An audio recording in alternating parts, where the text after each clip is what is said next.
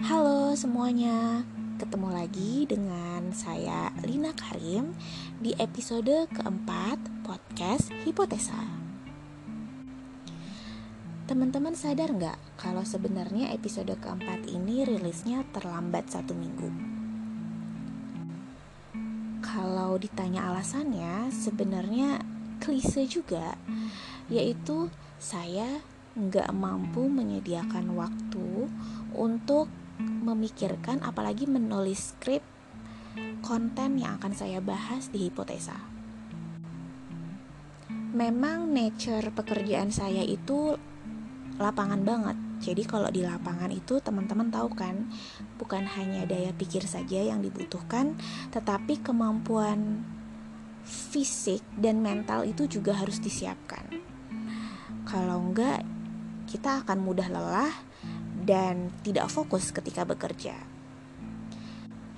Di sanalah saya sadar kalau saya tidak mampu mengelola energi saya dengan baik, sehingga ketika saya sudah menjadwalkan waktu untuk berpikir, apalagi menuliskan konten podcast, saya justru kelelahan dan memutuskan untuk istirahat.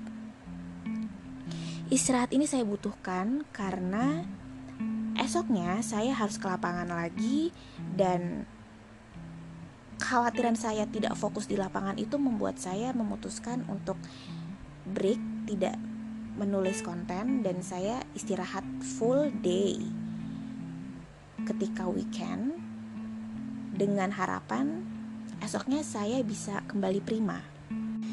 Nah, gara-gara itu saya jadi berpikir kalau misalnya waktu akhir pekan itu saya gunakan hanya untuk istirahat, bagaimana saya bisa produktif dalam hal lain?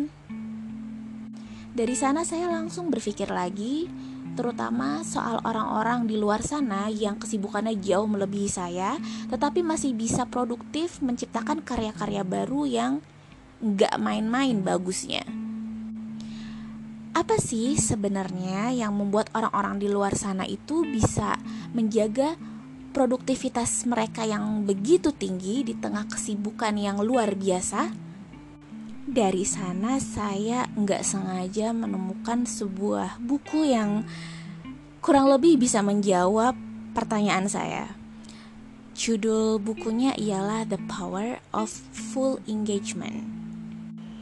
Buku ini ditulis oleh James Lure dan Tony Schwartz yang sudah diterbitkan dalam bahasa Indonesia oleh penerbit Serambi tahun 2006. Inti dari buku ini sebenarnya ialah bahwa kita harus mengubah paradigma kita soal bagaimana kita harus mengatur waktu kita menjadi bagaimana kita harus mengatur energi kita supaya bisa tetap produktif. Beberapa wawasan yang menurut saya penting ketika membaca buku ini di antaranya ialah Jadi kalau dari buku ini ada empat aspek yang penting untuk diperhatikan dalam mengelola energi.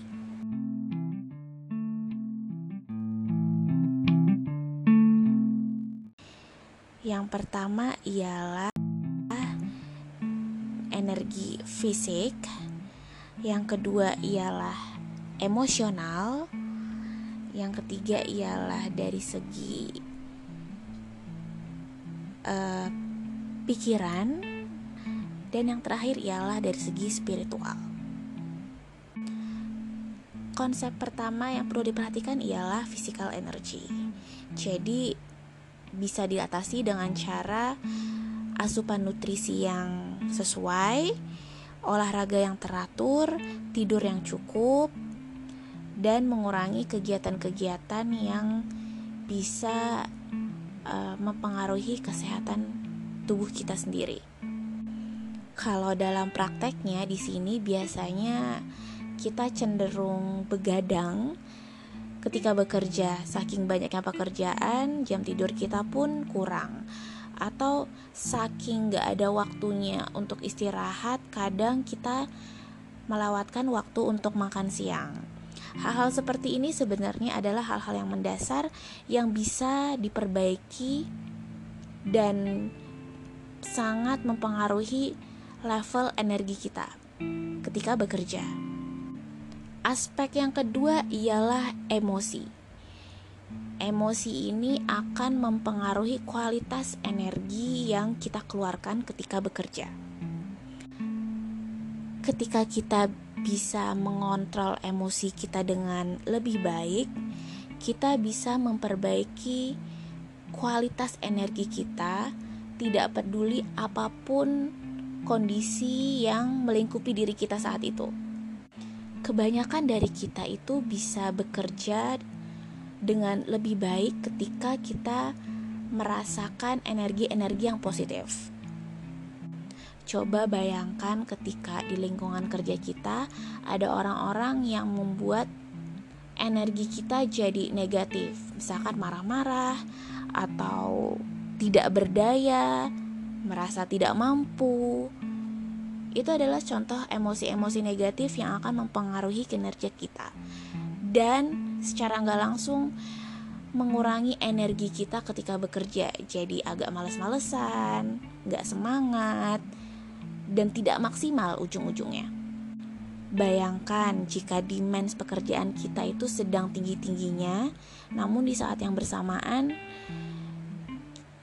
emosi kita itu sedang dalam kondisi yang tidak stabil dan cenderung negatif. Yang terjadi adalah kita nggak bisa maksimal bekerja dan mungkin buruknya adalah kita nggak bisa uh, apa namanya kita nggak mampu untuk uh, mencapai demand yang dibutuhkan ketika bekerja.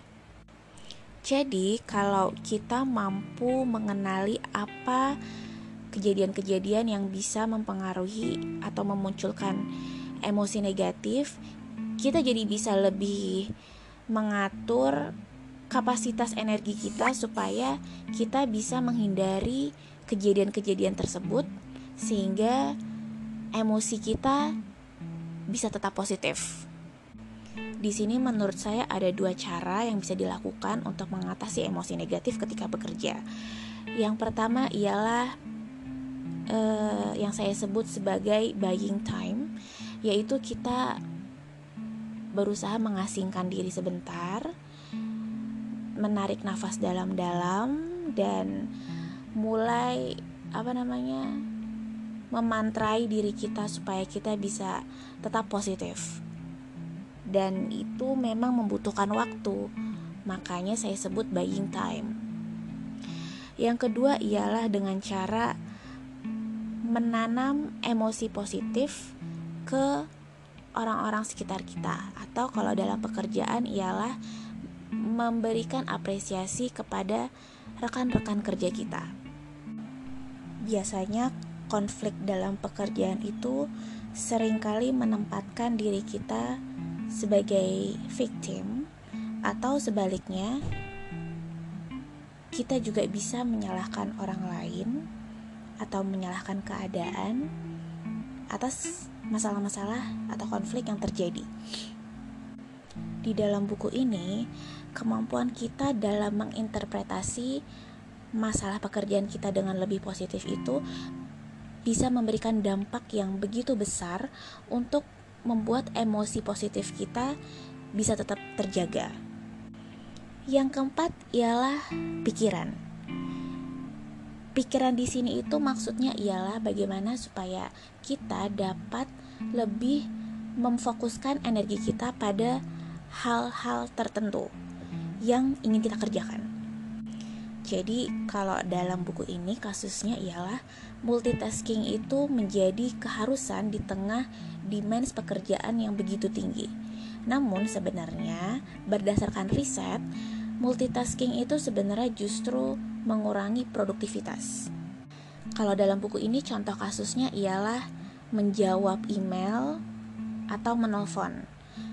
Jadi kalau misalnya menurut si penulis, lebih baik kita menyiapkan waktu 90 sampai 120 menit untuk fokus menyelesaikan pekerjaan kita ketimbang kita mengerjakan pekerjaan utama kita sambil sesekali terdistraksi oleh telepon atau email yang harus dijawab.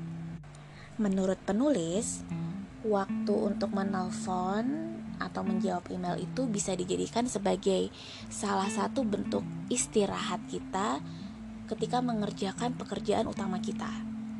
Bukan berarti di sini saya bilang kalau menjawab email atau telepon itu adalah pekerjaan sampingan. Enggak enggak seperti itu. Tapi maksudnya ada pekerjaan-pekerjaan yang memang membutuhkan fokus fokus lebih dibandingkan yang lain.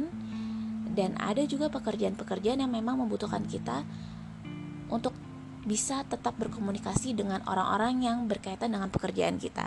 Nah, kalau misalnya kita bisa mengatur itu dengan baik, maka uh, fokus energi kita itu bisa lebih maksimal untuk mengerjakan atau menyelesaikan tugas kantor kita. Bayangkan kalau misalnya kita sedang berada dalam suatu rapat yang penting. Kalau misalkan kita masih menjawab telepon begitu telepon kita berdering, maka rapat yang penting tadi itu akan apa namanya akan lebih lama selesainya karena terganggu dengan kita yang harus menjawab telepon. Sebaliknya kalau misalkan kita uh, menyediakan waktu khusus fokus untuk meeting dan waktu berikutnya baru menjawab telepon, baru itu kan tentu lebih efektif kan? Lalu yang terakhir ialah dari segi spiritual. Aspek spiritual yang ditekankan oleh penulis dalam buku ini sebenarnya lebih kepada seber, seberapa bermaknanya apa yang mereka kerjakan saat ini. Kalau misalkan kita sibuk bekerja, kadang kita suka lupa kalau uh, pekerjaan yang kita lakukan tuh sebenarnya memiliki tujuan apa sih? Kenapa kita harus kerja keras banget? Apa sih sebenarnya tujuannya? Dengan lebih menyadari akan makna dan tujuan pekerjaan kita itu bisa membantu kita untuk lebih positif dalam berbagai situasi. Apalagi kalau pekerjaan yang kita lakukan itu mendukung nilai-nilai kehidupan kita. Itu biasanya akan lebih memberikan semangat dalam bekerja.